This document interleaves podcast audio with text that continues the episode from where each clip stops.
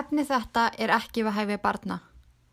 Þátturinn inniheldur ítarlegar frásagnir af ítlverkum sem fólk hefur framið svo ef þú ert viðkvæmur fyrir svoleiðs umræðum er þátturinn ekki fyrir þig. Fóreldrar, ég hvet ykkur til að fylgjast vel með því hvað börnin ykkar eru að hlusta á á netinu.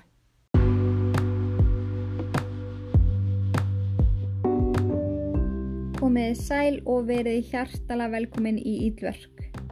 Inga Kristjáns er einna með ykkur á þessum dásenda mánudegi sem er uppbólsdagur okkar allra, am I right? En þess má til gaman sketa að ég komi nýjan búnað til að taka upp þættina mína. Ég er alveg gríðala ánað með hversu einfalt það er núna og hversu auðvelt er að klippa þá og hversu góð hljómgæðin eru en ég heyri sjálfa alveg gríðala mun og ég vona þið munu finna hann líka. En þessi þáttur er í bóði tæknifurur sem að sköffuðu mér uh, alveg glæsilega græðu til að taka upp. En núna er ég að taka upp á síma sem heitir Samsung Galaxy S10 Plus. Og þetta er alveg hellu græða ég er enþá að læra á hana. Og þetta er bara það er úgeðslega skemmtilegt að fykta í þessum síma. Það er svo margt sniðut, myndavelin gegguð og einmitt frábær búnaður til að taka upp podcast. Þannig að Núna get ég græða þetta bara enna hérna heim í stofu í símanum og ég þarf alla að snerta tölvunan nema bara til að lesa upp textan fyrir ykkur sem er geggjað. Þannig að þetta er að innfelda mér alveg helling og ég get tekið upp hvar og hvena sem er. Þannig að það er algjör snill. Þannig að mér langar að þakka tækniverum kærlega fyrir, fyrir þetta plögg og ég bara mæli með að kíkið á Samsung þeir sem, ég er náttúrulega búin að vera í Apple fjölskyldunni bara alltaf. Þannig að, þú veist, þetta var alveg skrítið skref en, vá, þetta er sjúklega skemmtilegt þannig að. Geggjað, ég vona allavega að þið heyrið, hérna gæða munin, ég er sjúklega sátt með þetta. En í dag ætlum við að taka mál sem að þið hafið beðið mig svo oft um að taka að ég er bara lunga búin að missa tölun á því. En ég fæ skilabúin nánast dæla um það að ég verði að taka Charles Manson.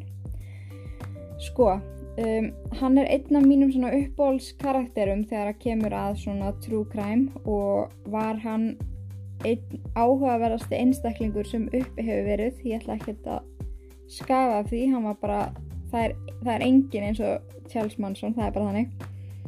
En það er bara svo erfitt að segja þessu sögu. Það er svo margt sem þarf að líta og þetta er svo, þetta er svo langt, þetta er svo mikið þetta er svo mikið af áhuga að vera dóti. Þannig að ég hef einhvern veginn alltaf slegið þessu á frest. En ég er búin að liggja yfir þessu núna í marga daga og reyna að setja þetta niður í svona temmilega langan þátt. Hann verður líklega lengri en vanalega. Ég vona að ég hef nú bara gaman að því og reyna að segja ykkur söguna svolítið stiklað á stóru þannig að þið takja þetta greina að það geti vantað inn eitthvað sem að þeir sem að hafa kynnt sér þetta mál vel taka kannski eftir. En annars er þetta nokkur neginn eins og þetta var nema kannski ykkur smá atrið sem ég þurfti svona að draga úr eða, eða segja frá í mjög stuttum máli til að koma þessu inn í eitt þátt. Þar sem að ég hef heyrt um, fólk tala mikið um það að tveir, tveir partar af þetta eru ekki máluð að það sé alltaf erfitt að býða eftir parti nr. 2 þannig að ég ætla að reyna að koma alltaf málunum mínum bara í eitt þátt og ég vona að þið séu bara sátt með það. Þannig að ég held að þetta bara að skella okkur í þátt dagsins fara yfir æfiskeið Charles Manson og kynnast sögunans en það betur sem er, hún er mögnu það er bara þannig. Þannig að ég hveti ykkur bara til að sækja ykkur mönns skell ykkur í roadtrip eða jafnvel rífa fram törskuna. Charles Manson, dög mínar herrar, gjur þessu vel. Charles Miller Maddox var fættur þann 12. november 1934 í Cincinnati, Ohio. Móður hans, Kathleen Maddox, var aðeins 16 ára þegar hann kom í heiminn og var hún bæði ógift og ólofuð og fadur barsins Colonel Walker Henderson Scott hafði engan áhuga á því eignast bann. Þegar Kathleen tilkynnti honum að hún var ófrísk eftir hann flúði hann úr landi og kom aldrei aftur og ekkert bendið til þess að Charlie hafi nokkuð tíman hitt pappa sinn. Fyrstu mánuðina hétt Charlie ekki neitt. Hann var alltaf kallaður No Name Maddox. Fyrir móður hans var hann byrði og það var ekki efst á listanum að gefa barninu nafn þar sem að þeirra helsti forgangur var að komast af en Kathleen hafði strókið heimann og verið á flakki í mjög langan tíma. Charles fekk svo nafnið Charles Miller Manson þegar að mamma hans giftist William Eugene Manson nokkru mánuðum eftir að Charlie kom í heiminn. Hjónabandi gekk ekki lengi en fljótlega eftir að þau fluttu inn saman fór William að sína sína réttu hlið. Hann drakk alveg rosalega mikið og var stundum heilu dagana í burtu. Þá hjekk hann á krám og heima hjá drikkjufélögum og kom svo heim viku síðar illa lyktandi og útúruglaður. Þau endust saman í þrjú ár og skilnaðurum gekk svo í garð 1937. Þegar Kathleen og Charlie urðu aftur einn og innkoman var lítil sem enginn, misti Kathleen algjörlega geðhelsuna. Hún fór að sækja mikið í áfengi og eftir nokkuð tíma sem, harð, nokkuð tíma sem harður áfengisjúklingur fór hún að taka upp sömu rútínu og fyrirhandi eiginmaðurinnar. Hún skildi Charlie eftir einan heima heilu dagana með bartfóstru sem hún fann á næsta götuhorni. Hún fór svo á pepparolt og gisti hér, það, hér og þar um bæin hjá þeim karlmönnum sem að síndu henni áhuga. Þegar Charlie rifjar upp lífi með móðu sinni talar hann alltaf um hana sem vændiskonu, þótt hún hafi aldrei viðkjenta sjálf fyrir neinum. Árið 1939 tók Kathleen þátt í stóru innbroti sem fór hróttalega úrskeiðs. Hún á samt félögum sínum sem fremdu innbrotið voru öll handtekinn og fekk Kathleen tíu ára dóm. Charlie var því sendur til að búja frenda sínum og frængu í Vestur Virginia. Þarna var Charlie aðeins fimm ára gamall og var hún líst á þessum tíma sem alveg gríðala miklum prakkara. Hann stal og stríti en var alltaf umlögin krökkum sem dáðust á honum og hemdu eftir öllum hans gjörðum. Þegar mammans losnaði svo fangelsin í 1942 voru þau saminnið á ný. Hennar lífverðni hjælt áfram að vera óheilbrygt og ekki á neitt hátt gott fyrir hann mannsónleitla. Svo Charlie fór að eigða mjög miklum tíma einn, gangandum gödnar. Þannig var hún orðin 8 ára gammal og vesin á honum farið að valda mömmans verulegum áhyggjum þegar hún tók eftir honum. Lauruglan var alltaf að koma með Charlie heim og fjölskyttan fekk sektir nánast dæla fyrir vittleysu sem hann framkvæmdi. Hann var svo mikill vandraðgemsi að mamman sótt um fyrir hann í skólunum Dibolt School for Boys í Indiana og var þessi skóli sérstaklega fyrir stráka sem voru líklegir til að halda áfram á vittlausri bröyti lífinu og myndu líklast enda í fangelsi ef ekki er greipið inn í. Já, það var heil skóli ætlaður svona einstaklingum. En allir kennararnir í skólanu voru katholskir prestar og sagaði mannsson margaðara um að hafa misnótið sér kynferðislega. En enginn hlusta á þennan litla svartarða óþekka peia og voru allir vissur um að hann væri bara ráðskast með aðstæður. Mannsson heldur því fram enn í dag að misnótkun hafi átt í stað en það var aldrei gert neitt úr því eða engar sannanir fyrir því. Charles strauk marg oft úr skólanum. Í eitt skipti straukar með þeim tilgangi að finna mömmu sína sem hann saknaði svo sárt. Þegar hann loksins fann hana fekk hann enga ástráni heldur var hann bara sendur beint tilbaka. Hann strauk svo stuttu setna aftur og tók íbúð á leigu eða svona lítið herbergi og hann var næst tíur og gamall bæði og hann sapnaði sér pening með að ræna úr búðum. Þegar hann var loksins fundin og grepin tóku barnavenda yfirvöld yfir og var hann sendur í annan skóla sem hétt Boys Town og þar var sveipuð pælingi gangi og með hinskólan fyrir unga drengi á rangri braut. Eftir fjóra daga í þeim skóla stálu hann og annar nefandi bílfrænum kennara og kerðu til Illinois. Eftir að veri grepin ennu aftur fyrir smáþjófnað var hann aftur sendur í skólan. Hann gafst ekki upp og allan tíman sem hann var í skólanum reyndi hann reklilega að fara. Hann náði því svo árið 1951 en það er talið að skóla yfirvöld hafi verið komið með algjört nóg á honum og honum hafi bara verið leift að fara. En þarna tók við ströng lífsbarata hjá Mansson. Hann bjó mikið á gödunum og svaf í stegagöngum og húsasundum. Hann rændi á búðum til að eiga fyrir mat og var hann strax orðin þessi vandræða strókufangi. Ammans og afi reyndu eins og þau gáttu að finna út hvað hann var því að þeim langaði að hjálpa honum og reyna að leiðbina honum á rétta braut. Þegar þau loksist náðu sambandi við hann, eh, arinsiruðu þau því að koma honum í annan svona strákaskóla. Því að það er búið að virka svo vel hinga til. En þar voru einungis prestar að kenna og þau kröðust þess líka að hann fengi sálfræðilegt mat og sálfræðilega aðstóð. En eftir stuttadvöl í þeim skóla var hann greindur með mjög alvarlega antisósial röskun. En út frá þessari greiningu var hann sendur í Nat Natural Bridge Honor Camp þar sem átti að styðja betur við hans þarfir. Nokkrum dögum áður en hann átti að klára vist sína og ganga út sem frjálsmaður komu verðið skólans að honum nauðga öðrum strák úr skólanum. Hann hjælt nýf upp við hálsinn og stráknum og hótaði öllu yllu ef hann fengi ekki að klára sig af. Eftir þetta atvik var framlengt duel hans og hann sendur í fangelsi í Virginia þar sem að hann hjælt áfram að misnóta marga uh, fanga kynferðislega og þetta var orðið svo mikið vesen að hann enda, endaði á að vera í einangrun restina af dvölsinni. En 1954 var honum sleftu fangelsi og frænkans og frendi tóku hann að sér, en þarna var Charlie 20 ára gammal. Fljótlega eftir að honum var sleftu fangelsi kynntist hann stelpu sem hétt Rosalind Jean Willis. Hún dró hann alveg verulega niður á jörðina og í hálft ár pröfaði Charles líf sem hann átti aldrei eftir að taka upp aftur. Þetta passa hann um ekki á neitt nátt. En hann legði húsnæði með Rosalín, hann fekk sér vinnu og reyndi eins og hann gata eiga bara eðlilegt og vennilegt líf.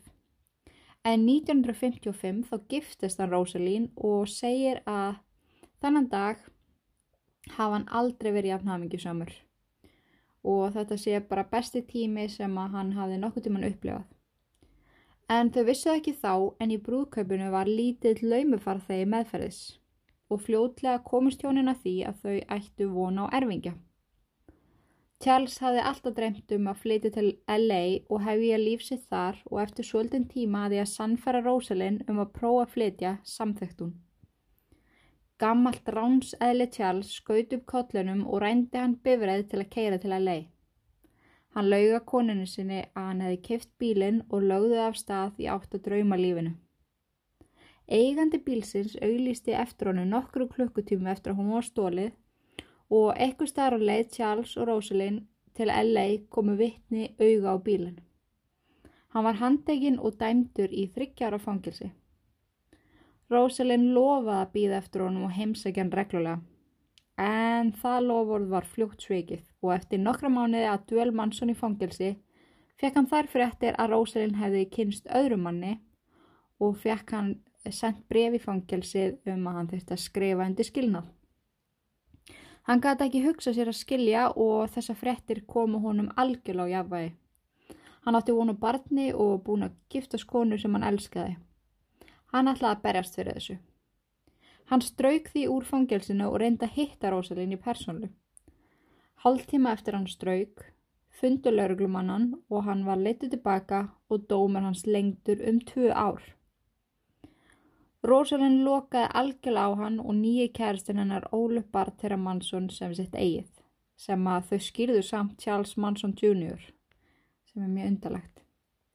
En tali er að þetta hafi algjörlega rústað Charlie andlega og veist, hann var náttúrulega ekki stabíl fyrir en þessi tiltekni atbyrður satt í honum allæfi og talið er að þetta hafi endala fengið hann til að missa tröst til hvenna. Þegar hann losnaði svo ennu aftur út af fangelsi ágaði hann að fara aðra leið en hann hafði farið áður fyrir lífinu. Hann vissi að hann ætti mjög auðvelt með að tala við konur og bara alla og fá, fá hérna, fólki sem hann talaði við á sitt band. Svo hann ákvaði að fara út í það að vera pimp. Sko ég man ekki alveg hérna íslenska orðið yfir pimp. en þið veitir hvað því er en hann sérst fór bara út í þetta en ef þið hafið lesið viðtölu og hlusta á viðtölu við hann er hann rosalega mikill tálkar og hann getur talað alla inn á sitt band. Þannig að þið getur rétt ímyndað eitthvað hvernig hann gætt sveikt og byggt kannski fátækjar ungar stelpur sem voru með fikknefna mandamál og hann lofaði allir fögru þessi gaur fekk hann bara gætt haft þetta eins og hann vildi. En hann fór sérst út í þetta með mjög efnaðri konu sem hjálpa hann að finna stelpur og sá business blómstræði þvílitt hjá honum og, og hinni stelpunni. Og það var alveg að gera. Og það sem hann hefði fram yfir aðra pimp hann í nágruninu var að það voru fallegar konur í búði á honum og ungar. Og hann seldi þær til manna út um allt. Og hann fór oft með það til New Mexico og þar greiði hann alveg sjúklað mikið, kannski yfir eina helgi.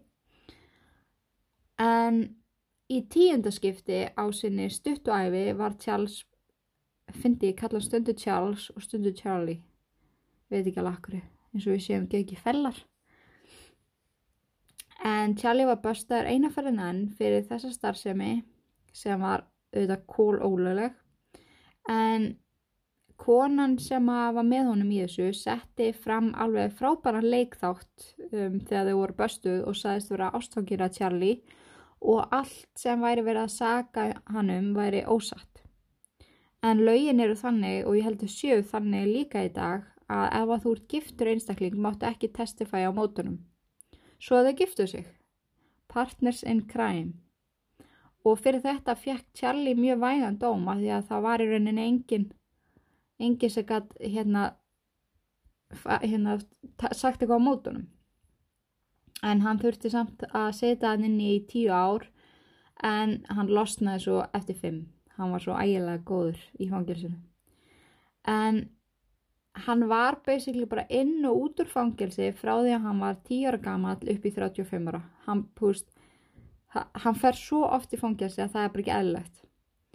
En þarna húst líka þessir kultismi sem að Mansson er allra frægastu fyrir en þegar hann satt inni máttu sjá að hann var varði einhvern veginn alltaf þessi lítir hann var einstaklingur sem að fólk eldi og fyldi hann var alveg virkilega lári í loftinu og það komir eiginlega mega óvart að því ég googla alltaf hvað fólki sér að tala um er hátt og hann er 1,57 cm það er frekar lítið.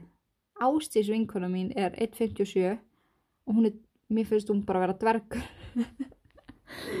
en já, sem gera næstu í 10 cm minna en ég, það er magna en hann náði samt einhvern veginn að vera þessi dominant karakter sem að fekk fólk á sitt band. Hann stóð upp á stólum þegar hann áarpaði fólk og stóð upp á bekkum og passaði alltaf að vera herri en aðrir þegar hann áarpaði fólk. Hann talaði alltaf í gáluðum frösum sem gerði hann vitrari en allir hinnir hann var algjörlega sér á báti og ótrúlega persóna. Það er bara það er þannig. Charles Manson var ótrúlega, ekkit endilega góðanhátt ótrúlega persóna, hann var bara ótrúlega persóna, ég veit, ég, þú veist, til hljótaður sammála mér, þetta er, þessi maður sko, þetta er bara fucked up saga sko. En hann náði, já, eins og ég segi, sama hversu lítill hann var og svona, æg, hann var svona hálf perviskur eitthvað. Hann náði samt alltaf að eiga stemminguna í öllum herbyggjum sem hann gekk inn í. Þegar Charles losnaði svo fangelsi í 25. skipti á æfinni, ég er hægt að talja, uh, þá fór hann að sanka að sér manneskum sem að hann kallaði followers. En það gerðist svolítið bara ósjálfrátt, eins og ég eitthvað á hann. Hann hafði alltaf verið svona svolítið lítir í sér og fólk laðaði staðanum. En þetta voru aðla ungar konur sem að þráðu ekkert meira en ást og aðtegli. Þessi hópur fekk svo nafnið Manson Family eins og við þekkjum þennan hóp í dag og litir meðlimir fjölskyldunar á Manson sem læriföður, ástmann, guð, föðurýmynd og bara heilaðan mann. Kjarni fjölskyldanar voru Charles og hérna Robert Busley, uh, Charles Tex Watson uh, Mari Brun Brunner, Susan Atkins, Liz, Linda Casabane, Patricia Cranewinkle og Leslie Van Houten. Þau kannast örgulega við eitthvað af þessum nöfnum en þau koma inn í fjölskytuna á mismunandi tíma. Um, til dæmis kemur Charles Tex ekki alveg strax inn í fjölskytuna. En Susan, uh, Leslie og Patricia, nei Susan, Linda og Leslie voru svona, ef maður hugsa um Hugh Hefner, munið eftir Holly og og þeim að þessum þrem sem að voru alltaf með hjóhefner og svo voru fullt aðurum hugsiðum það er þannig. Þær voru svona aðal og voru svona kjarnin í fjölskytinu og svo bættist fullt af fólki við en einstaklingarnir sem að ég lasi upp voru svona uh, æðri hinnum ef svo má orðið komast.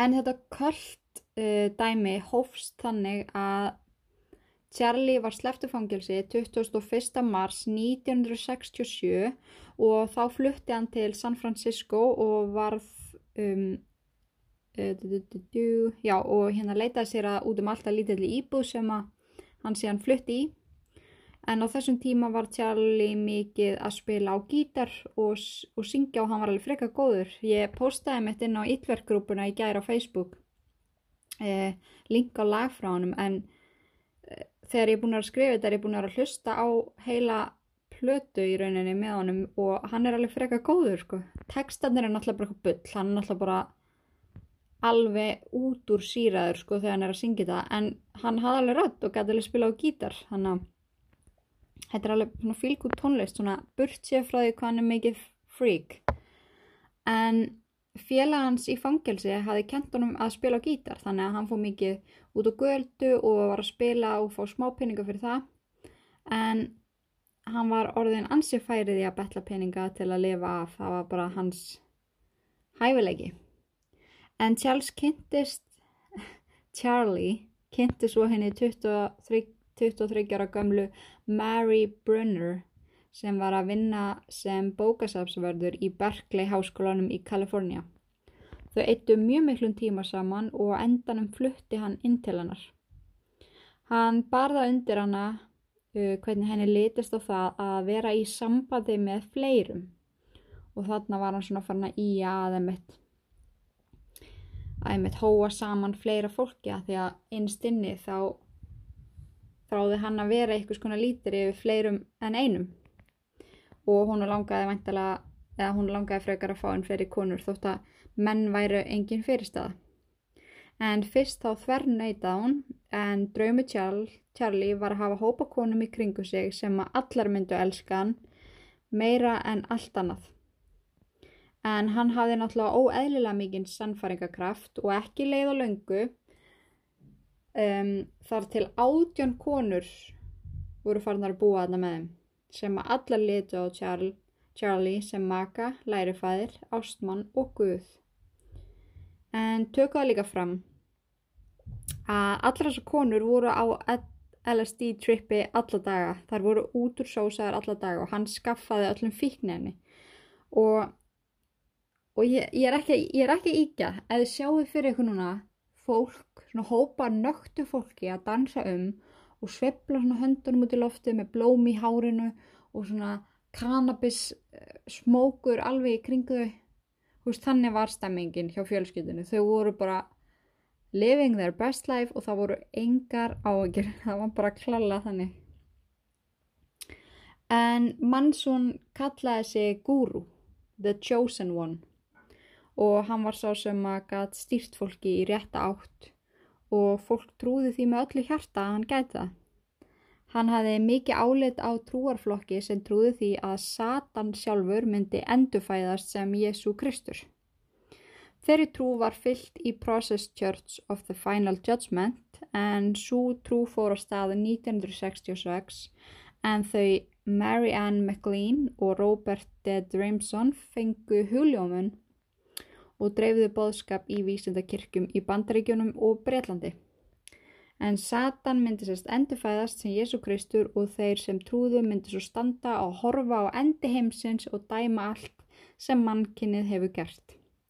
Þeir sem trúðu myndu lifa og þeir sem trúðu voru æðri og þeir sem trúa verða endur holkaðir. Ú, ef ég fæ ekki kredit fyrir hvað þetta var vel orðað. Það var ekkit grína því það þennan texta á íslensku. Jésús, vá hvað ég hljóma ógeðslega gáð. Og ég náttúrulega var að bæta þessu inn. Ah, vá, þetta var geggjað. En á milli þess sem að hann dreyði bóðskapnum þó tala hann um sjálfa sig sem Jésu Krist. Hann sagði sögur að því þegar hann var á krossunum og þegar hann síðan reys upp frá döðum. Hann tók síðan upp fullt nafni sitt sem hann hafi í rauninni aldrei notað en hann segir að það hefði komið til hans í draumi að nafni væri rosalega tákgrænt. En það var að Charles Willis Manson og þegar hann sagði nafni sitt þá sagði hann það alveg löturhægt og þá kemur það út svona Charles is Manson. Charles Will is Manson. Fattiði. Og, þegar, og þetta sérst bendi til þess að hann væri sónur allra manna og allir menn væru sínir hans. En það er oft talað um Adam í Adam og Evu sem er já sem son of man. En þegar Charles talaði um sig sem gúru, Jésu Kristus son of man, þá trúðu hann um allir og allir voru sammála. En já, þú getur prófað að segja fólki á allar stíðtreppi þessa hluti því oftar því betur að þau munu endaði að trúa það er bara þannig. En Mansson var sér svo út um gamlan skólabíl sem að hann og fjölskyttan skreittu og kerðu svo á honum um LA og dreifðu bóðskapnum. Þau dreifðu því að fólk gerði að vakna og átta sig á því að heldur skelter væri námt og þau gætu bjarga þeim. Ég segi ykkur betur eftir hvað heldur skelltur er samt. En, en við byrjum á næsta barni Mansson. Hann átti náttúrulega són fyrir sem hann var ekki í sambandi við. En þann 15. april 1968 eiga Brönner og Mansson són saman sem að þau skýrðu Valentine Michael. Hann var svo alltaf kallar Pooh Bear. Allir fjölskyttumellimir voru viðstætti fæðinguna og sjö, sjö konur sem voru allar mæður vala litla hjálpust að við að taka á mótunum. En smá svona út út úr dítela saga sem að mér langar svo að bæta einni því að þetta segir svo mikið til um hvernig karakter Charlie var, þú veist, burt sér frá því hversu mikið skrimsli hann var. En, um, já, ég er búin að týna... Já, en Mansson var sérst alltaf að reyna fyrir sér í tónlist og fór hann á fund með fullt á útgefendum sem að kunnu allir alveg mega vel við hann. Og í gegnum Phil Kaufman sem var einmitt einn af hans bestu vinum kynntist Mansson Gary Stromberg sem var ungu prodúser sem vann hjá Universal Studios. En á þeim tíma var hann að vinna í mynd sem hétt Romance og hafði Charlie mjög mikið um þá mynd að segja og hvernig karakterar í myndinu ætti að haga sér. Húnu fannst, hérna, fannst það sem hann sagði svo magnað að hann gati ekki annað hlustað. Þeir fóru svo saman á ströndina í rútunans Charlie og Stromberg fyldist með honum prýtsa og dreifa bóðskap í rútunu sinu um alla ströndina. Síðan kom einn náðungir sem hafði bara áhuga á rútunni fyrir aftan hann og var bara auðvitað þetta gekk í rúta, illuð rúta maður og og þú veist, rúta var náttúrulega bara alveg fílskreitt að og það var búið að breyta innvolsinu og það voru bettar og, og bekkir og púðar en þegar hann einmitt heyrir mannin vera ekkert að spá í prítsinu sem hann var að reyna að deila og pælti bara í rútunni þá brosti Charlie til hans hendi til hans leiflónum og maðurinn var svona hálf skrítin en fór bara upp í bíl og kerði í burtu. Charlie hjælt áfram að kalla yfir ströndina og drefa bóðskapnum eins og ekkert hafi ískorist. Þetta sýnir bara hversu ótrúlega svona tjöllaðið hérna var. En hérna gaurinn sem var með honum, hann að Strömberi, fyldist með þessu öllu og hristi hausinu félaga sinum sem var svo innilega undalegur. Hann lýsir honum sem dýnamískum karakter sem kunni að lesa í veikleika fólks og manipuleita fólk til að trúa hverju einasta orðu sem hann segir. Líka áhugavert að segja frá því að hann reyndi ofta að hafa viti fyrir svona mótuhjólagengum. Þú veist, það var alveg mjög algengt svona hópar, þú veist eins og Hells Angels uh, sem voru svona saman og hann gengur heiklust upp að þeim og segir þeim að þau ættu nú frekar að vera eigða tíma í að undirbúa sig undir heldaskjölder og hann hefði lausnina fyrir þá til þess að fre verða frjálsir. Og í staðin fyrir að þeir myndu ganga inn í fjölskytuna þá bauðan þeim nótt með konunum í fjölskytunu og, og hann bara held að hann væri að gefa þeim alveg þvílikan díl. Og hann sagði þeim að góð hlustun og góð og stór getnaðlimur væri leikillin af þessum af þessu öllu saman, af öllum þessum konum og alltaf eitthvað svona að vera fýblast þeim hjólagæðinni tóku þessu misvel og eitt er að bendi bissu á hann mann sem brosti og sagði hann að hann væri alltaf velkomin í heimsók til fjölskyldunar og gekk svo rólega í burtu hann alltaf bara aðeins að flippa í ykkur eitruðu mótjólagengi en þú veist hann, þú veist, það er ekki hægt að lýsa í hversu grillaðar hann var. En á þessum tíma var Mansson fjölskyldan búin að koma sér vel fyrir á yfirgefnum búgarð eða svona ranch. En þar voru allir fjölsir. Þar tilbáðu allir tjalli. Börnin voru tekina konunum sem kom inn í fjölskylduna og voru sett í daggæslu þar sem börnunum var öllum kjenta sama. Öll áttu þau að vaksa á grasi sem bara ekkit endilega sérstátt kyn og halda fjölskyldunni gangandi. Öll kvöld voru kynnsvöll og enginn var með sérstakka kynneigð. Alla konunar elskuðu Charlie og vildu vera með honum og þegar að þær örðu svo óleittar þá voru börnin allra, þá voru allir fóröldra barnana. Um, þetta er svo ótrúlega sérstakt að það er algjörlega magnað að yfir hundra manns hafi gengið til leysi við fjölskylduna og þetta hafi líka gengið yfir í allan enn tíma. Þetta er, þetta er ótrúlegt.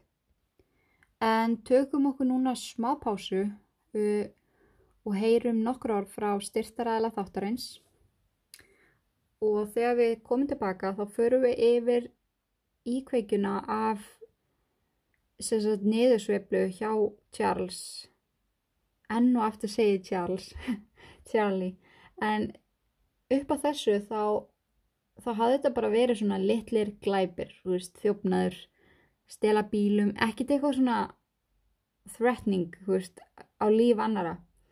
En það er eitt sem kom upp á sem er talið hafa startað öllu sem að gerðist næst. Þannig að við skulum fara yfir það í setni helming þáttarins og heyrum nokkur orð frá indislega fyrirtækinu sem stiði við þennan þátt.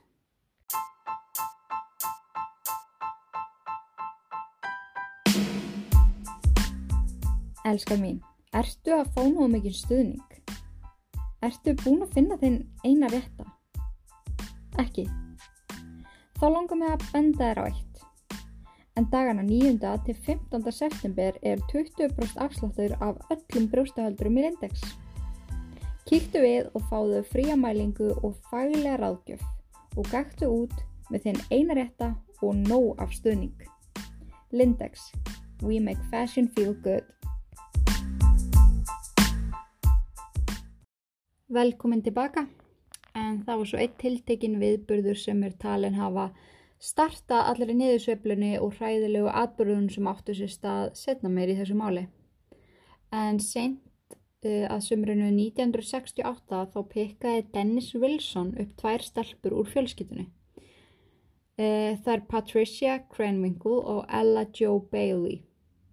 En hann var meðlemur í hljómsveitinu Beach Beach Boys sem var alveg mjög heit á þessum tíma en þar voru bara að húka sér far og hann hefur keitt fram hjá þeim og búið þeim að og hérna búið þeim far og það var engin hrettu við að heitsæka á þessum tíma það gerði það bara allir.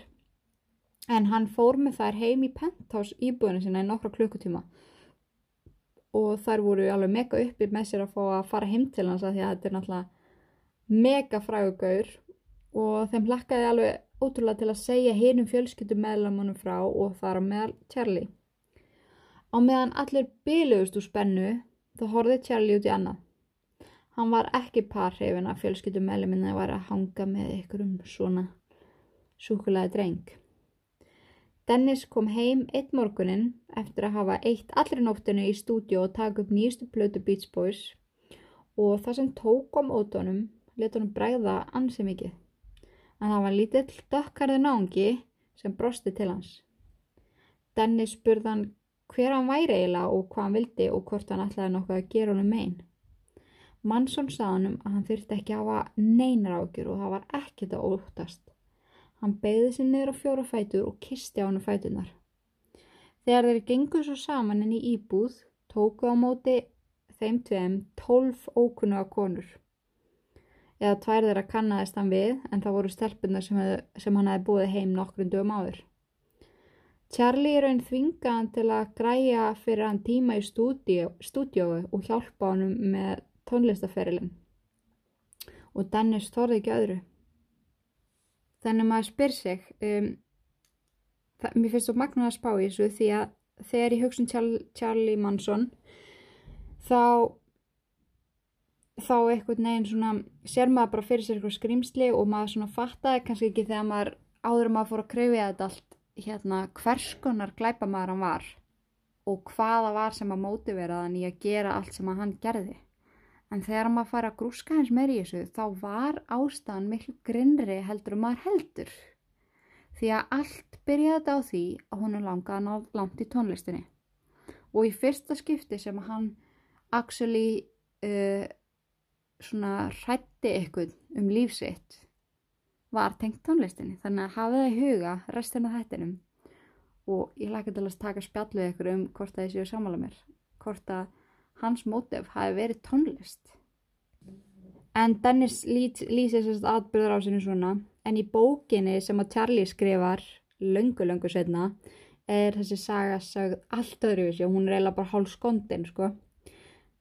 Uh, ef, ef hún er ekki sönn þá er hún allan að vel íkt en hann segir sérst að Dennis hafi pikkað upp stelpunar og þær hafi sagt honum að það er ættu gúru sem hann erið að hitta. Og Dennis hafi verið mjög spenntur að hitta hann og farið og hitta hann og grátt beðan um að skapa með sér tónlist. Hann lofa að borga allt undir hann borga allt sem hann þurfti til að búa sér til feril og í staðin gaf hann stelpunar úr fjölskyldinu til hans. Hann sérst Dennis fekk það í staðin fyrir að hjálpa Charlie með tónlistina. Og á tímabili þá er, hafa átt að búa 30 konur heima á Dennis sem að þjónuðu bæði honum og Charlie og öll kvöld voru stundar orgjur. Dennis hafði eitt svo miklum pening í stúdiotíma Charlie að hann hafði ekki töla á því lengur og síðan hefði bæst ofan á allir lækniskostnaður sem hann þurfti að borga til að trýta stelpunar sem fengu hver af annari kynnsjúkdóminn gonorrhea eða STI. Þetta er saga sem Tjalli saði, það er spurning hverju sönn, en kallin er mitt þekktur fyrir að íkja sögur mjög vel, sama hvers, hversu ómerkilega sögurna voru. Þú veist, ef hann var fórt með ruslið, þá var pókin tvekja kílometra fullur, ekki bara fullur, hann bara, allar sögur sem hann saði voru yktar svo mikið. En sama hvor sagan er sönn þá auðvitað allavega Dennis og Charlie ágættis vinir og Dennis kynir hann fyrir skemmtanabransanum og góðum vinu sínum eins og til dæmis Greg Jacobson, Terry Melchior og Rudy Albobello. En sá síðast nefndi átti hús sem hann leiði, nei fyrir ekki að, Terry Melchior átti þess að sagt hús sem hann leiði leikoninni Sharon Tate og eigimanni hennar Roman Polanski en félaga Dennis urðu mjög hryfnir af þessu Charles Manson guru kvöldæmi og hafði ótrúlega gaman á hann og hvernig típa hann var. Svo þeir samþyktu að hjálpa honum að taka upp nokkuð lög. Dennis hefur svo fengið nóg og flytur út án þess að láta allar þessar konur vita ef að saganast Charlie er sönn þar að segja. Og þá ákveðu Charlie að flytja með fjölskytuna á gammal kvikmyndasett sem að George Spann átti sem að hann hafi komist í tengsli við í gegnum hérna Dennis en hann var áttræður og átti hann þennan hérna þetta yfirgefna kvikmyndasett sem var svona svolítið útvöru bæn hann það var svolítið bara eins og annar rans. Og þau fengið að búa þarna frítt gegn því að konunar stundu killi með gamla manninu sem var bara ansi sáttur við þennan frábæra díl. En stuttu eftir að fjölskyldan flutti á gamla settið þá kynntist Manson nafna sínum Charles Watson eða Tex sem var nýhættur í skóla. Hann var annar gaurið sem gekk í lifi fjölskylduna og eruðu hann og Charlie mjög nánir. Hann kynnti Manson fyrir bítlunum en það sem ekkert útvarp eða sjóvarp og bara ekkert samskiptanett var að heimir í fjölskytunar vissi Manson ekki hvað var að gerast í heiminum. En bítlarnir voru nýbúin að gefa út plötuna The White Album. Charlie varð heldtekinn af bítlunum. Hann hlustaði stanslust á tónlistina þeirra og var algjörlega húgt. Hann stúdraði hverju einastu línu í tekstunum og hvert einasta orð og komstu að þeirri niðurstöðu að bíklanir væri að reyna að senda honum eitthvað svona skilabóð. Hann hóaði saman allir fjölskytunni á nýjarsdag 1969 og sagði þeim að þau yrðu að undirbúa sig.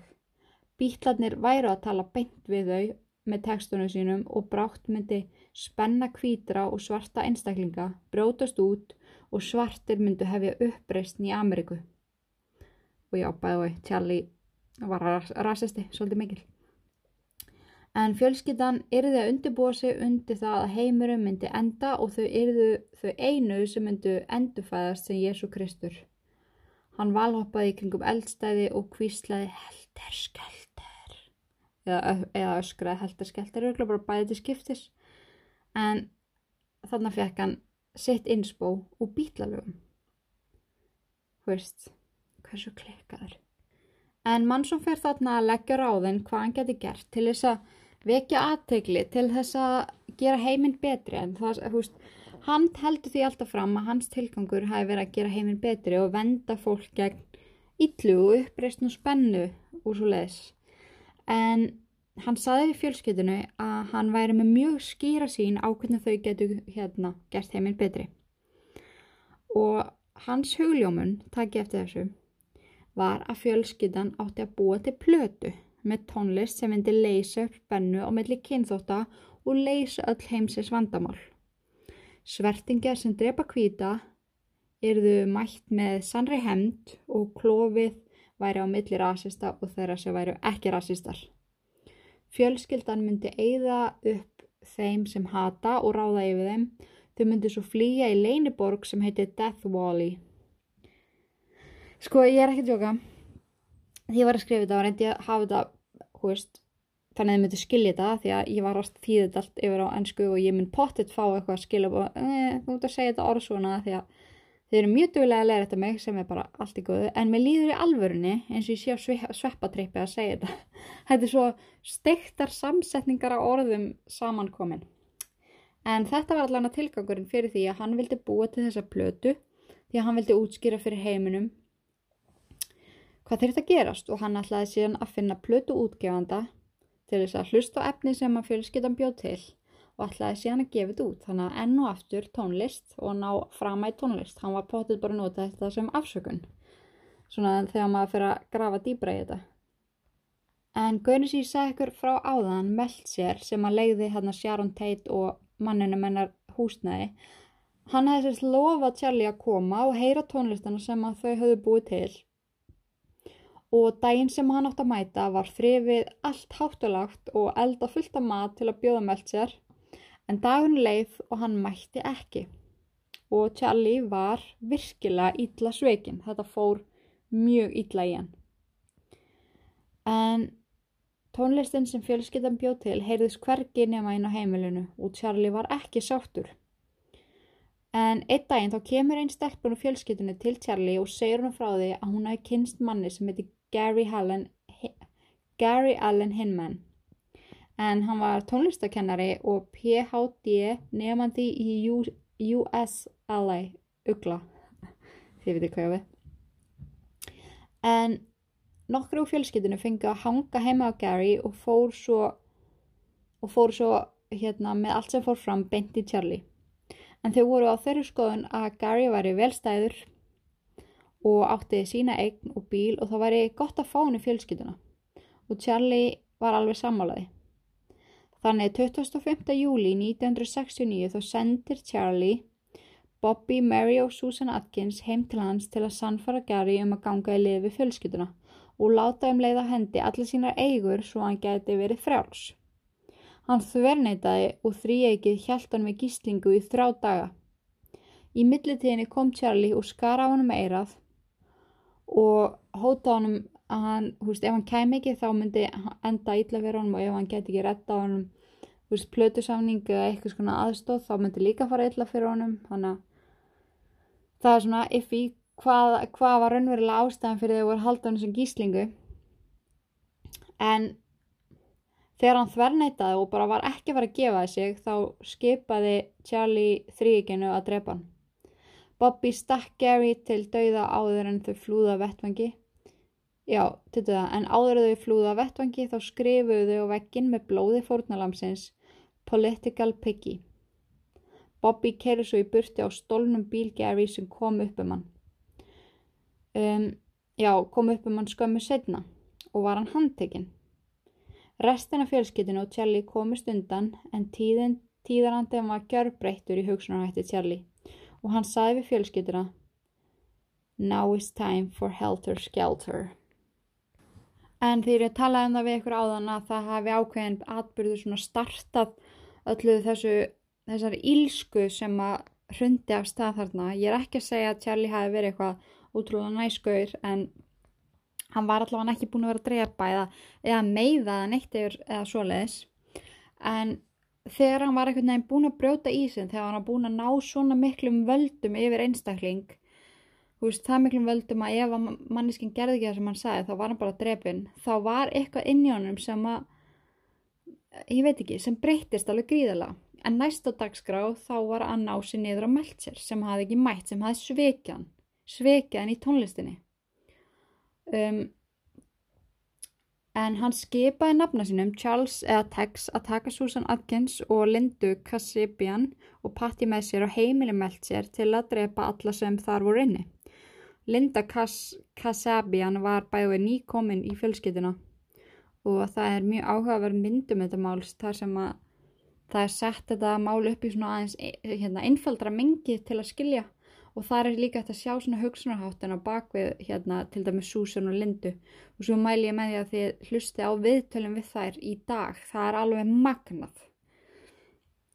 En já, hann sendir hérna þetta fólk frá sér og já, skipar þeim bara að sama hverjaranninni þá verða þær einstaklingar drefnir En mann sem vissi ekki að Meltzer var nýbúin að leia húsi sitt þeim Sharon Tate og eiginmanni hennar Roman Polanski. En Sharon var á þessu tíma uh, mjög fræg leikona og alveg mjög mikið high fashion model, gullfalleg kona og Róman var síðan leikstjóri og þau voru að gera það mjög gott og þetta var alveg svolítið mannsjón hann að þau voru að leia. En þetta tiltækna kvöld var Róman í Evrópu að leikstýra myndinni A Day at the Beach.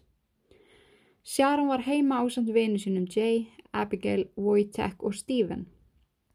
Síðan var uh, maður sem að leiði gestahús í bakaðinum hjá þeim og sá um garðin. Hann var líka á eigninni og pappi þessa manns var líka á eigninni en hann var komin út í bíl og var að fara að leggja stað þegar það séir að fara að segja ykkur gerist. En Sharon var komin 8 mánuð á leið og ef að þið googlið Sharon Tate Last Picture getið séð hana gullfallega með stóra kúlu alveg að fara að eiga batni sitt en þau réðust þarna inn til Sharon og hún láði í sófarum í stofinni og var að spjallaði vinsinn og þau byrja á að stinga vinn hennar í tögiskipta út um allan líkamann. Þau binda reypi um hálsun á honum og íta Sharon fast í golfið hún grátt baðum að fá að eiga batnið og síðan mættu þau drepa hana. Hún sagði við þau bara þau megi taka mig hvert sem er. Vil ég bara lefa mér að eiga batnið og að mig bara, þegar mig stúta mér, þegar mig ger allt til mig, taka alla peninguna mína, allt leifum bara að eiga batnið. Og fjölskyttan þorði ekki annað en að fara eftir fyrirmælum Charlie og stungu Sharon þar til að hún leið út af. Og þau stungu líka í bumbuna, sem er hræðilegt. Og ég hveti ykkur líka einmitt til að hlusta á viðtali við uh, konunnar sem að tóku þátt í þessu um þennan atbörð en þeim langaði ekki að gera það en það var bara þannig að það sem að Charlie sæði það stóð þau átt að drepa alla sem voru að henni og þá gerðu þau það en með blóði Sharon skrifuðu þau á úti dyrrahurðina Peg Abigail náði að hlaupa ásand hérna kærastónu sínum út í garð áður en þau náðu þeim og stungu þau bæðið til bana. Þannig að mann sem draf þannig saglösa einstaklinga og síðan spáði því að maðurinn sem voru til bíl sem var að heimsækja svonsinn sem bjóð þarna í gestahúsinu í bakarannum hjá þeim, hann var bara að fara og hafa skotin í bílun sinu. En þetta mál var bara heimsfrækt á nokkrum sekundum þegar þetta fór að frettast út og allir voru harmið slegnir yfir þessum hróttalega en það var þetta brútal. En daginn eftir eða 9. ágúst 1969 þá fara fjölskyldumedleminnir á. Charlie að rundum ríkverfi sem að þau kölluðu Creepy Crawl og þetta var eitthvað sem að þau stunduðu mjög greimt. En þá laumuðustu inn til fólk stálu vermendum og leku sér að því að ruggla heimilinu og færðu stóla og smáhluti svona eins og það hafi verið draugagangur. En í þetta skipti kom Charlie með þeim og hann vildi sína um hvernig þetta gerir þetta þar sem allir voru svona freka traumatized eftir atbyrju gerdagsins. En eftir rúmt fram og tilbaka um hverfið valdi mannsson hús sem að hann skipaði liðun að fara inn í. Þau áttu að gera þið sama vanlega creepy crawl en ef þau yrðu trubluð áttu þau að drepa alla inn í húsinu. En þarna 3301 Waverly Drive varð fyrir valinu svona eða þið viljið googla húsið, það er alltaf svolítið áhugavert. En þar bjó eigandi stórran maturuvesslunarkæðju Leno Le Bianca og einkona hans Rosemary. Charlie batt hendunar á Leno með leðuról og gekk svo út og skipaði þeim að fara inn og klára verkið. Þau byttu kotta um höfu hjónana með ramagsnúrum og stungu þau svo tögi skipta. Watson stakk svo lampa ofin í hálsun og Leno sem var til þess að hann hætti alveg að anda.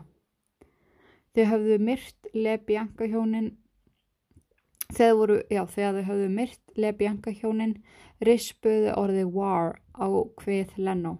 Á meðan Watts þreif vopnin og fór í styrtu skrifuðu stelpuna með blóði fórnalambana heldur skelter á ískapshurðina. Síðan leku þar sér að því að stinga Leno með gafli í magan og skildu svo gaffalan eftir hangandi í honum. Þegar þau fóru út í bíl spyr Charlie hvort allir hefði tökið þátt. Einn kvennana sagði að hún hefði ekki gert neitt nema fylst með. Þá sendir Charlie hann aftur inn og segir henni að stinga fórnalömpin jafn oft og hinnir, svo allir tæki þátt. Bæði fórnalömpin enduðu með í kringum 40 stungusár. Charlie vildi halda áfram, hann var til í meira aksjón og og hann vildi þetta kvöld drepa meira fólk og þótt að hann hafi ekki gert neitt af þessu, þú veist, hann skipaði bara fyrir, þá var eitthvað inn í honum sem hann, hann vildi meira. Hann sagði þeim að það þyrti að losa heiminn við fleiri svín, svo hann benti þeim á annu hús sem hann skipaði þeim að brjótast inn í og drepa alla sem urða á veiðra. Þegar allir voru komnir út úr bílnum þá keirir hann í burtu og segir við þau út um glöggan að þau ætti að húka sér fara tilbaka. Um leið og hann var horfin úr auksín og þau sá að hann var alveg farin þá hættuðu við þeim langaði ekki að gera meira af þessu og fóru strax sér en að komast heim. Morðið á Sharon Tate fór eins og eldrum sinu um allan heim á sveipstundu en þann 9. ágúst 1969 kom húsjálp Sharon og Róman að þessum hróttalega vettvangi og auðmingja blessu konan að sjá þetta því að vettvangirinn er, veist, myndirnar eru allar á Google ég, ég myndi passa mig ef það ætla að skoða þetta en það er svolítið þannig að maður er bara það fórvitin að maður kíkir en þetta er, þetta er mjög brútal og auðmingja konan að það þurft að koma að þessu en Já og svo er líka ótrúlega sorg, sorry, ég er, með, ég er sérst búin að fatta það og það eru mjög margir búin að gera grína mér, til dæmis Valli sem á 20 ára Æsland, hann gerir mjög mikið grína mér, um að ég gerir svo alltaf svona, þetta er eitthvað kækur, ég er að reyna að vennja maður þessu, þannig að ef að þið eru í drikkjuleik þá með ég drekka í hvert sinn sem ég ger svona. Sorry, ég er í alvörunni, ég er sko nánast búin að skrá mig hjá talþjálfura, þannig að hætti að gera gríða mér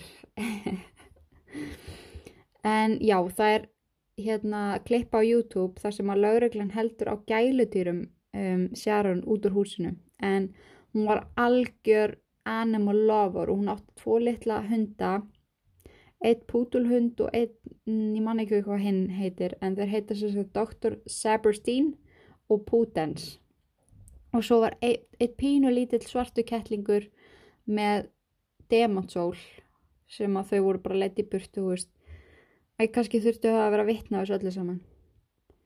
En þetta var bara svo ótrúlega hræðilegur glæpur og svo óendarlega tilgangslaus. Eh, svo 19 klukkutímum síðar að þau hérna myrtu Lebianca hjónin þá komst það upp. Og voru þessi mál strax tengt saman vegna skilabóðuna sem voru skriðið með blóði fórnarlampana.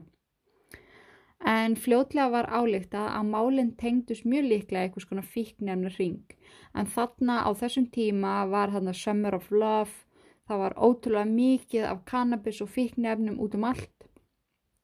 Og það var svolítið þannig að, að hérna, allt sem kom upp á var einhvern veginn fíknefna tengt. En þeir sem að rannsöku Sharon Tate málið voru ekki þeir sömu sem síðan rannsöku Lea Bianca málið og mistökin sem að voru gerð þar var að taka hlutina sem líktust í málunum ekki nógu alvarlega og ég held að þau hafi tapað ótrúlega miklum tíma með því að þetta ekki saman og voru að skoða þetta í sikkuru máli og, og hérna taka viðtölu sikkurt fólkið.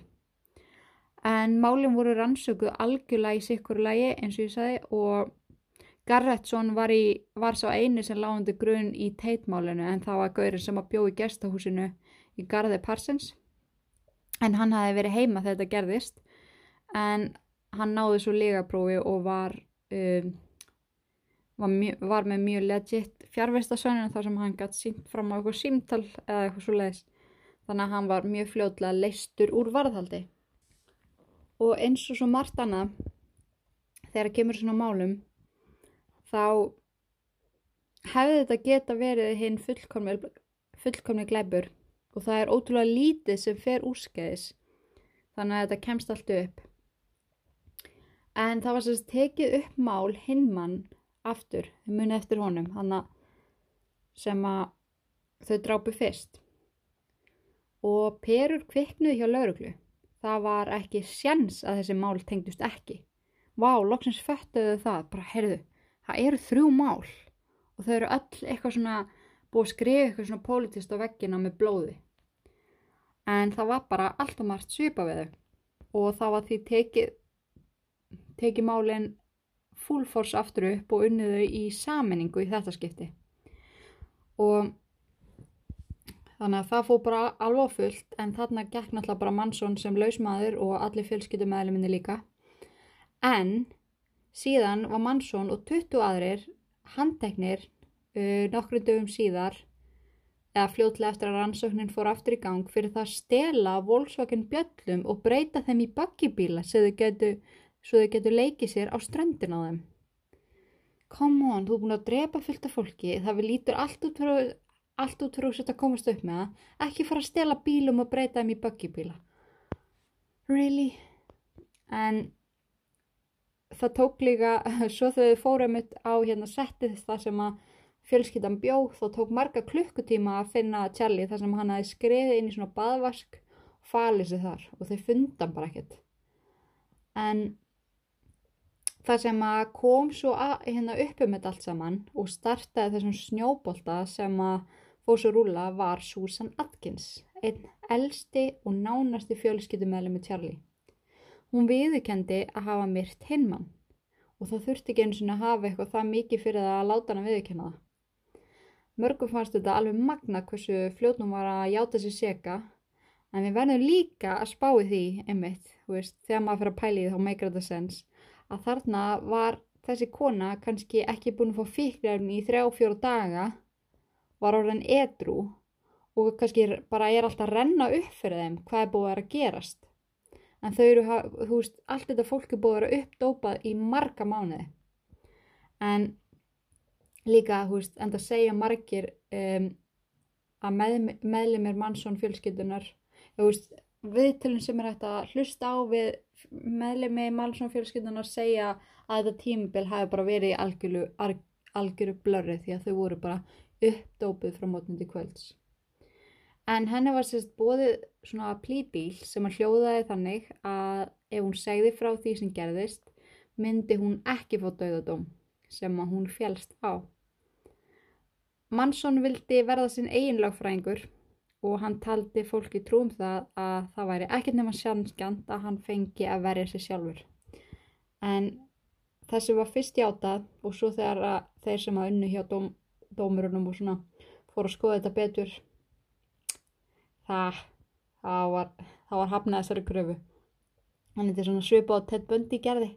Þú veist, þeim fannst honum fannst hann geta representa sjálf og sér langt best allir Charles, Charlie hafi ekki fundist það líka hana, en því var hafnað.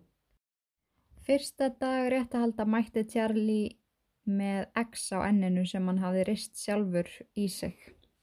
Setna meir fekk hann fangelisfélag til að flúra þetta á sig en í dag þegar maður skoða myndir á hann þegar hann var hann gammal og lúkar þetta miklu meira svo hakakross. En ástæðan fyrir krossinu sagði Charles að vera svo að hann væri búin að exa sig frá heiminum þar sem hann fekk ekki að verja sjálfa sig og tala fyrir sjálfa sig í réttasal restin af fjölskyldinu mætti svo öll með svona kross til að styðja við hann. En það var sett upp þá mynd af ástæðum Charles fyrir öllu þessu saman væri helter skelter og þessi gríðala árátta fyrir því að krifja texta bítlana. Krifja þá það mikið að hann fór að sjá ykkur að þýðingu bak við textana sem átti ekki við neinn rauk að styðjast. Það sem ég er mjög forvitin um, allir bítlanir, eftir þetta kom allir ljós, allir þeir hafi vitað af þessu hvað hann var heldtekinn af lögunum þeirra. Ég hef aldrei, spurning að googla það, ég hef aldrei spáðið því en öll orðin sem að skrifi voru, uh, voru í blóði á vettung glæpana voru allt orðu tekstum bílana. Pig, Helter Skelter, Ræs og Vor til dæmis. En Charlie vildi meina að hann væri að koma í veg fyrir það að svartir myndu drepa þá kvítu með því að vera, já með því að vara, vara við því með orðinu Pig. Hann vildi koma sökinni yfir á svertingja. Hann hafði stólið veskinu hennar Rósmari frá heimili Lebjanka hjónuna og skipaði svo stelpunum að henda því út í hverfið þar sem svart fólk, bjó. Vonandi myndi einhver af þeim nota innihald veskisins og Charles gæti loksins sínt fram á það hvað svartir væru yllir. Þetta meikar engan sens en þetta er það sem hann hjælt fram. En þessi réttahöldu voru á allra vörum og fólk flyktist að dómhúsinu til að fylgjast með. Öll tímaritin fjöllum um Mansson og tímabili var búið að teikna upp einhverja svakalega glamúrmynd af honum en hann þótti mjög myndalur. Fjölskyldan fór ólenjar en að uh, frelsa læriföðu sinn, ástmann sinn og allt sem hann var, Jesus Christ og réðust á vittni í málinu og reyndu eftir mestu getu að hafa áhrif á áleitt fólks á gödunni. Það var til dæmis einn maður sem hafi verið eitthvað í kringum þessi réttahöld og allt í hennu kviknaði í bílnum hans upp á þurru og hann komst ekki í réttasal og það var að gerast alls konar svona og það er talað að fjölskyttan hafi bara setið um alla sem að tóku þátt til þess að reyna að trubla, til þess að reyna bara, þú veist, e, tefja fyrir. En síðan kom að deginu sem að allir byðu eftir. E, loksins mátti Charles tjá sig en fólk hafði bara rosalega gaman að því að hlusta á hann tala og hlökkuðu margir til að heyra en hann talaði í góðan klukkutíma þánga til að það þurfti að stoppa hann af veist, eins og hann eins og honum einu með lagi er að tala ring eftir ringum að þetta væri ekki honum að kenna veist, það var ekki hann sem skrifaði þessu lög það var ekki hann sem að ákvaða búið til lög sem töluði beint við hann. Hann hefði verið valin til þess að beina fólki rétt að braud og þetta væri bara allt byggt á miskilingu og í rauninni væri hann bara að gera eitthvað gott og hann hefði aldrei drepið nokkurt mann. Og hann segir þetta bara aftur og aftur og þið geti það reyndir ekki að heyra þetta viðtal. Ég hef allavega ekki fundið á YouTube en þið geti hlusta á vídeo, nei viðtöl við Charlie og þá geti heyrt hvernig hann tala svona ring eftir ring og hann í rauninni bara endur á að bylla en hann bylla með svo miklu samfæringakrafti að maður fer að hlusta, fattið mig. Ég seti inn viðtal við hann á eftir sem er reyndar ekki úr réttasal en mjög svona áhugavert viðtal. En núna langar mig að við hlustum saman á viðtal við Susan Atkins sem er náttúrulega höfupörun í Mansson fjölskyldunni. En þarna er hún að lýsa kvöldinu sem fjölskyldan myrti Sharon Tate og vini hennar. En Susan var oftar en ekki hægri hönd Charles í öllu sem hann tók sér fyrir hendur. Skulum og við skulum líka hlusta á hvað hún hefur að segja fyrsta dag réttahaldarna þegar uh, paparazzis bara flikja staðinni og vilja tala við hana og þið getur heyrt hvað hún er ótrúlega carefree, hún er algjörlega uppdópuð og það er mjög áhugavert að heyra hvað hún hefur að segja um Charlie þegar hún er spurð. Þannig að við skulum hlusta á þetta mjög vel því þetta er very interesting.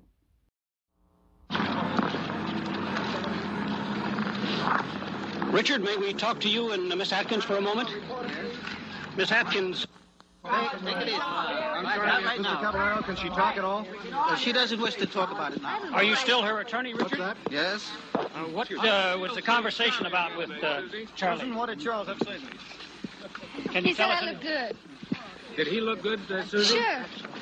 He always did does. feel? How long was your talk Are you going to testify uh, at the trial? I don't think that's any of your or anybody else's business. Oh, come on, back up, fella. What did you agree to today? Mr. Caballero, still your attorney? As of the moment, yes. Do you have plans for later? I have no plans. I don't make plans. I just do what I do. What was Charlie's advice to you today? Charlie doesn't advise. When are you going to see him again? Your guess is as good as mine. Does Charlie command? Charlie does not command anybody to do anything. He never has. Well, what's the outcome of this meeting? It was a pleasant visit. Was that the purpose of the meeting to begin with? Your guess is as good as mine. Well, we're getting an awful lot of guesses. You wanted it? Excuse me. I didn't want it to come out anyway, other than the way it came out. You plan to see him again, Susie? I hope so.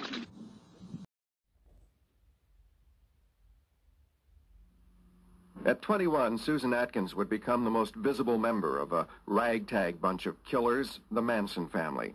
A one-time nice little kid as she grew up in Northern California, Susan became a popular babysitter, captained her school swimming team, and sang in the church choir. Then when her mother died, Susan Atkins ran away from home, and she fell in with a dangerous little man who had spent virtually his whole life in jails. And so at 18, Susan Atkins became one of Charlie's girls, as they were called, one of the first. More would join her, and in time, all of them would develop a fanatical loyalty to Charles Manson, nurtured by his persuasiveness and hyped by the unrelenting use of drugs. So after 300 LSD trips in two years, when Manson sent Susan Atkins and others of his family to kill, they did it. Later, looking, sounding, and acting crazy, Susan Atkins would spill it all and tell a grand jury what happened. With terrible detail, she would describe how she murdered movie actress Sharon Tate and her yet unborn baby, and then participated in the murder of four others on that hot summer's night at the actress's Hollywood home. Susan Atkins is 28 now. She's just ended her first seven years of a life term. She has spent five of them here at the California Women's Institution in San Bernardino County. She's just had her first parole hearing and been turned down. But the people who work with her here say that she's made a remarkable change in the last two years. They say she's become a devout Christian, and she says she wants only to serve God. Susan Atkins feels that her horrifying experience with drugs can be a lesson to those that use them or think about using them. She hasn't spoken with a reporter since the trial in 1970. She got word to me that she wanted to talk about the dangers of drug use, that she also wanted to reveal something new about the murders. What happened that night you all went to Sharon Tate's house? What really happened?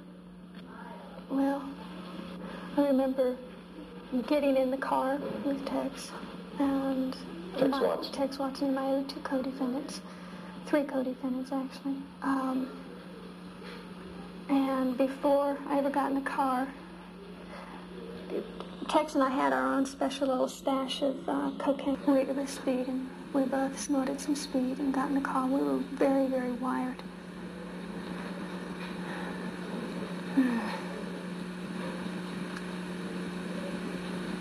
And we drove to the house uh, with instructions to kill everyone in the house. From Charlie. Yeah. Um, and not just that, but that we were instructed to go all the way down every house, hit every house on the On the street? On the street, yes. And kill all the people Kill in all those the houses? people in all those houses. Um, and we went into the house, and I remember that as we went in, uh, a car came up to the driveway, and I remember Tex getting out, and without saying anything, they were by a shot. I was in the bushes, and uh, That's when the young boy, Stephen Parent, was right, killed. was killed In the yeah. car, outside. Right.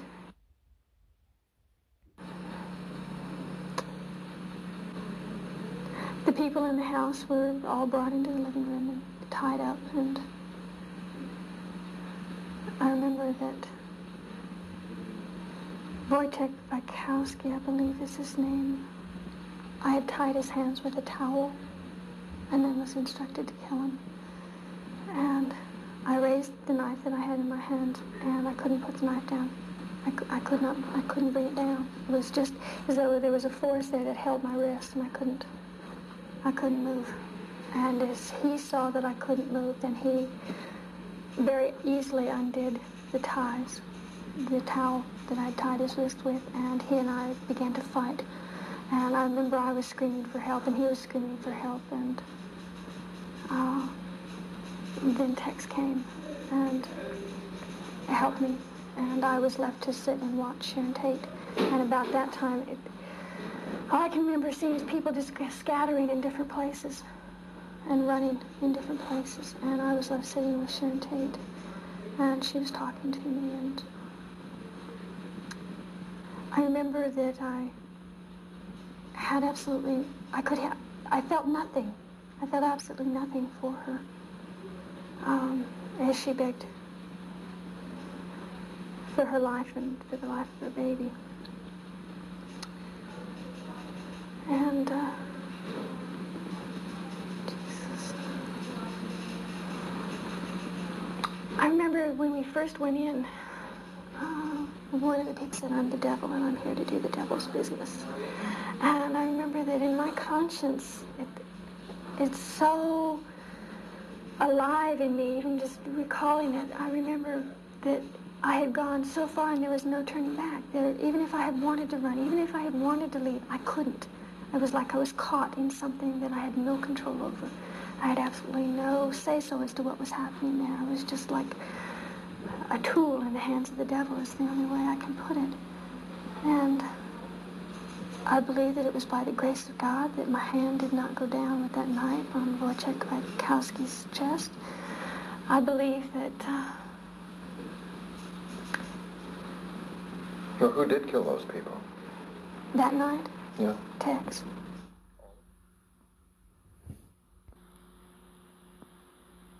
During her trial in 1970 and 71, she seemed a horrifying combination of confused little girl and cold-blooded murderer. And like all of the others in the Manson family, Susan Atkins' loyalty to the man who led her life where it went was absolute. So when Charles Manson shaved his hair off, she did too. And then, just as he had done, she and her co-defendants all carved X's into their foreheads. Today, she says her bizarre behavior was born out of Manson's evil persuasiveness and fed by her constant drug use. During her Manson years, Susan Atkins dropped acid at least 300 times, and she smoked, swallowed, shot up, and snorted every other drug in sight.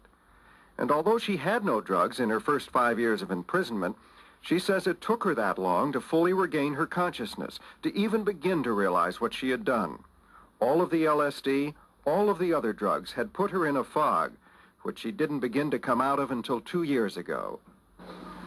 Um, you'd have to understand what acid does to the mind in order to understand how a person can get confused behind drugs. And that's, I would take a thesis, writing a book on what LSD can do to the mind. But, um, But it was powerful enough to Ah, keep you in a sure, fog for all those years, even after you sure. stopped I used, using. to, I used to think that you came down off an acid trip after 12 hours. That's not true. Every time you take LSD, you uh, rises or expands, and your the moral fiber of your character, which is in uh, put in you or uh, when you grow up, everybody grows up with different morals according to their culture. Okay, when you take acid, your mind expands beyond these moral characteristics and your concepts of right and wrong. So you step out beyond those bounds, and when you step out beyond those bounds, the imagination begins to take over. And the imagination can be a very deceitful thing. It's a fantasy. And when you take acid, you go out beyond that, you think you're coming back to where you started from. Originally, you don't. And every time you drop acid, you get a little bit further away from reality. And I took so much acid that I just was what I would term spaced. And it took me many years to what I term now re-enter. And that was just through not having any acid and having to deal with reality every day. Well, you say you're operating from a sense of complete consciousness now and reality. Then looking back from this point for you, what you were and what you did must be terrifying. Charles var svo dæmdur til lífstíðar í fangelsi eða hann var reynda dæmdur til dauða í ramagstólnum en það komst nú aldrei á það steg þar sem að þegar hann var 86 ára gammal þá deyr hann úr hjartáfalli en hann hafi líka verið að glýma við ristilkrabbaminn sem var farið að hafa ansi marga fylgikvilla og kallin var farin að líta ansi ítla út en hann dó uh, kvæntur en það var 26 ára gömul kona sem að fjallferi tjalli og fór til hans og heimsótt hann í fangelsið og var búin að ákvæða hún alltaf að giftast honum. Skulum heyra að viðtal við hana. You know his name, you know his infamous murders, his cult following, his prediction of helter-skelter and apocalyptic race war. But what you probably don't know is that one of the most notorious men in the world has a girlfriend. And here she is, 25-year-old Star. These pictures posted to fan website mansondirect.com. That name, by the way, Star, Manson thought that up himself. She has been seeing Manson, now 79, ever since she was 19. The news today, she says they plan to marry. CNN's Ted Rollins talked to her just a while back and asked her why. Well, because I love him. Um, and I've somehow I've got half a brain um, that I can see that he is the one that knows what's going on. He is the one that that is in the truth whenever nobody else is. And what is it about him compared to other people you've met in your lifetime that makes him so unique and different? Um, Charlie always tells the truth, no matter what. Charlie is all about Atwa, which is air, trees, water, animals. And he's been talking about it for over 40 years. And none of the um, TV shows have ever picked that up. I don't know why. Þetta er, þetta er mjög áhugavert, en þetta var alveg rosalegt þegar hann var dæmtur til dauða og Nixon fórseti var einmitt uh, með í því og hann krafðist þess að hann færi bak við láfs og slá og hann sæði mjög mikið um þessa ákvörðun þannig að loksins var skrimslið komið bak við láfs og slá þetta er, þetta er magnað en það hefur verið skrifað rosalega margar bækur um Manson en ég hef til dæmis lesið bókina Helter Skelter sem er mjög svona ítarleg útskýring á öllu bara Vist, þetta, það er miklu meira farið í Gleipin ásalegs sem mjög áhugaverð bók ef ykkur langar að lesa hana. Næsta dagskrá er klárlega að lesa bókina sem að ég er að fara að segja ykkur frá núna. En það er bara maður sem hefur sambandið Charlie sem heitir Noel Emmons og skrifar í rauninni bara svona æfisögu Charlie í samstarfi við hann og, og reynir að orða þetta svolítið eftir honum. En hann hefur þarna samskipti við Charles Manson e, nær daglega í sjö ár og fara að kynnast honum ótrúlega vel og veist, samkvæmt honum þá, þá verða þau bara þú veist, hann kann vel við hann kall en hún finnst hann alveg ótrúlega mikill lúser. En við skulum núna í lokin hlusta viðtal sem að stöðin Today tekur við Núl og Charlie, Charlie saman og þið fáið þá svolítið að heyra þarna skoðun á honum frá manni sem að gaf sér tími að kynnast honum og einnig skoðun á Charlie á sjálfu sér. Þetta er magnaviðtal og ef þið hlustu vel þá getið þið líka heyrt hvað hann er ótrúlega góður í að misnúta aðstæður, manipuleita fólk, uh, tala sig upp en á sama tíma tala sig niður og þetta sýnir svolítið á svörtu og hvítu hvernig Charles talaði við annað fólk og hvernig hann einhvern veginn bara fokkaði hausnum á öllum, hann skulum heyra það viðtal. 16 years ago, Charles Manson was sentenced to die in San Quentin's gas chamber for the Tate LaBianca murders. Within a year, Californians did away with capital punishment, so Manson's sentence was commuted to life in prison. Now there's a book, Manson in his own words, as told to Newell Emmons. Emmons is an ex-con who first met Manson while serving a short term in prison for car theft. And true to the unwritten code of the underworld, Manson cooperated on the book because he owed Emmons a favor.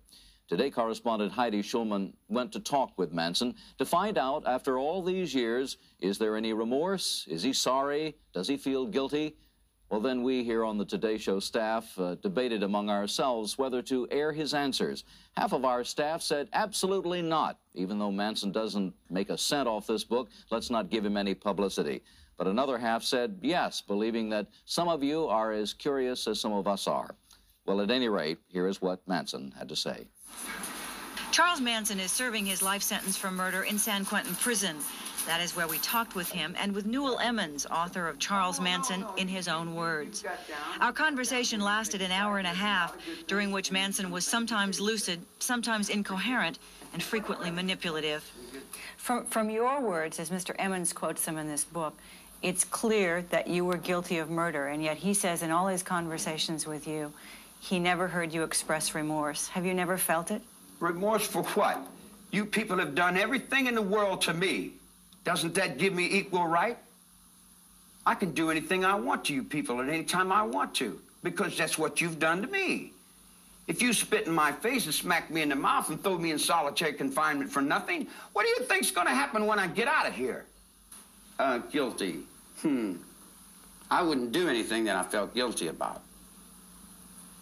You don't feel guilty at all. There's no need to feel guilty. I haven't done anything I'm ashamed of. Maybe I haven't done enough. I might be ashamed of that for not doing enough, for not giving enough, for not being more perceptive, for not being aware enough, for not understanding, for uh, being stupid. Maybe I should have killed four or five hundred people, then I would have felt better. Then when I felt like I really offered society something. You know, if I wanted to kill somebody, I'd take this book and beat you to death with it, and I wouldn't feel a thing. It'd be just like walking to the drugstore. Do you feel blame? Are you mad? Uh, do you feel like Wolves Kebab right French? Get French butch butch butch be a remix get get get get Google be a big for Fabel for the British Waka Newell Emmons is an ex-convict who first met Manson in prison in the 50s. He claims he wrote the Manson book after seven years of conversation with Manson to show that he's no leader, no guru, but just a loser. Why should anyone care to read this book? My purpose when I first started was virtually to destroy the myth. I show that he's not as complex or as the occult leader or etc. that uh, he's been projected as being. I don't fit in society, and I am incompetent. I'm definitely incompetent. That's not what I I would. said. Well, I, No, I say that. I say that. No, there's nothing wrong with being incompetent because you don't have to do as much. Uh, if you're competent, then you got a lot to do. See, but there's there's there's a there's another aspect of it too. Um, I've learned to reflect. I just reflect back. I know I don't know. I know I'm stupid. I admit I'm a petty whatever. I've never been a success at anything. I even got to the point where I didn't want to be a success at anything. What would being a success, what does that mean, you know? Money? Oh, I've had all the money in the world three times and I had to give it back. That's a stupid little game, you know? My awareness and my consciousness is not the same as somebody that goes to school and has a mom and dad. See, not having parents have left me in a, another dimension, so to say, you know. I don't have no bad going for nothing. I don't judge. I hardly even think about too much. It's hard for me to remember breakfast. In fact, if I didn't have two or three girls to help me, I would pretty much be lost and I wouldn't know what the hell I'm doing. You write in that in all your conversations with Charles Manson, he never expressed remorse. Have you seen any today? I mean, he, perhaps he believes totally in his own mind that he's not guilty. You guilty. guys got this stuck in your head that I've murdered somebody. You've got it stuck in your brain that I murdered somebody. What do you want to call me a murderer for? I've never killed anyone. I don't need to kill anyone. I think it. I have it here. Who is this man you've been talking to for seven years? Well, the, to me, he's a, a convict that was a failure.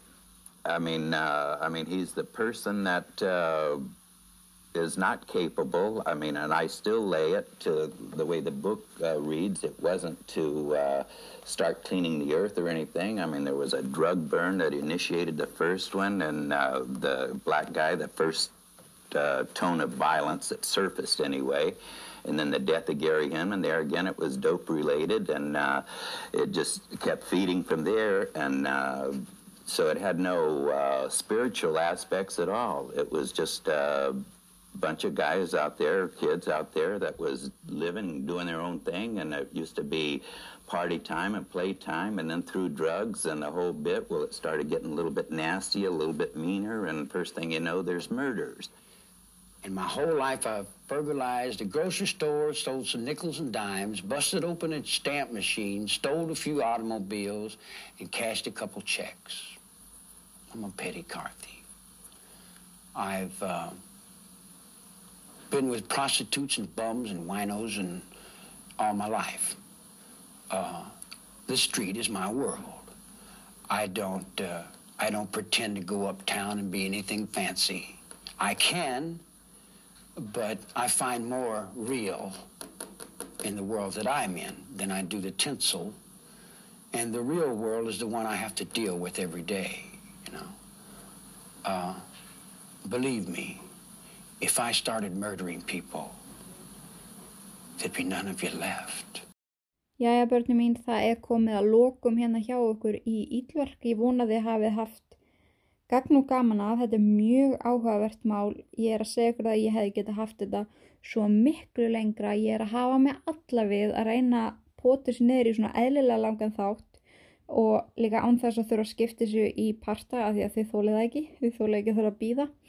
Þannig að eins og ég sagði ykkur í byrjun þáttar þá er alveg pottitt atriði sem að þeir sem glöggir sjá vantar inn í en þið þurfið þá bara að kynna ykkur málið sjálf og lesa bækurnar en það var allavega mjög áhugavert að stikla stóru og, og fá svona kannski aðra sína á þetta mál eða kynnast því allavega betur og ég hlakka virkilega til að sjá spjallhráð inn á Ítverkgrúpunni þeir eru mjög duglega við það að ræða málinn ykkur á milli og, og um að gera, að gera það ef að ykkur langar og ég tek þátt í þeim umræðum. Mér finnst það frábært, mér finnst frábært að sjá hvað þið eru aktíf inn á Ítlergrúpunni og ég er búin að heyra því að það sé fólk að bara verða vinir þarna inn á, húst, adda hvort öðru og, og spjalla sem er náttúrulega bara geggjað. Ég er líka farin að hitta ykkur oftar og oftar hér og, á, hér og þar á uh, förnum vegi sem er dásamlegt. Mér finnst þið alveg frábær, það er ykkur að þakka að ég sé að gera þetta og það er ykkur að þakka að ég sé alltaf svona spennt og peppu fyrir að halda áfram í ítlverk og ég get ekki betra að gera meira, gera betri þætti og búa til skemmtilegt efni fyrir ykkur. En þetta var svona stikla á stóru í sögu Charles Miller Manson. Ég var líka að fatta að núna þegar ég var að hlusta yfir þáttinn að ég kallaði hann Charlie og Charles til skiptis. En málega það að margir kalla hann Charlie og í bókinni sem að ég las þá er hann kallaði Charlie en hann heitir Charles. Og mér fannst Charles eitthvað of fancy fyrir hann, ég veit það ekki. En hann heitir sérst Charles Manson oft kallaði Charlie. Þannig að þið viti að því. Svo bara þið lömpin mín sem að elski að senda mig skilabúð um orð sem að ég hefði geta sagt betur og kækina mína þið gerir það bara, ég tek því fagnandi og, og reynir bara að gera betur næst en þánga til næst þangað til í þætti 32 þá ætla ég bara að þakka ykkur fyrir að vera til. Byrði ykkur um að forðast öll ílverk nema sjálfsögðu þetta podcast. Verið sæl.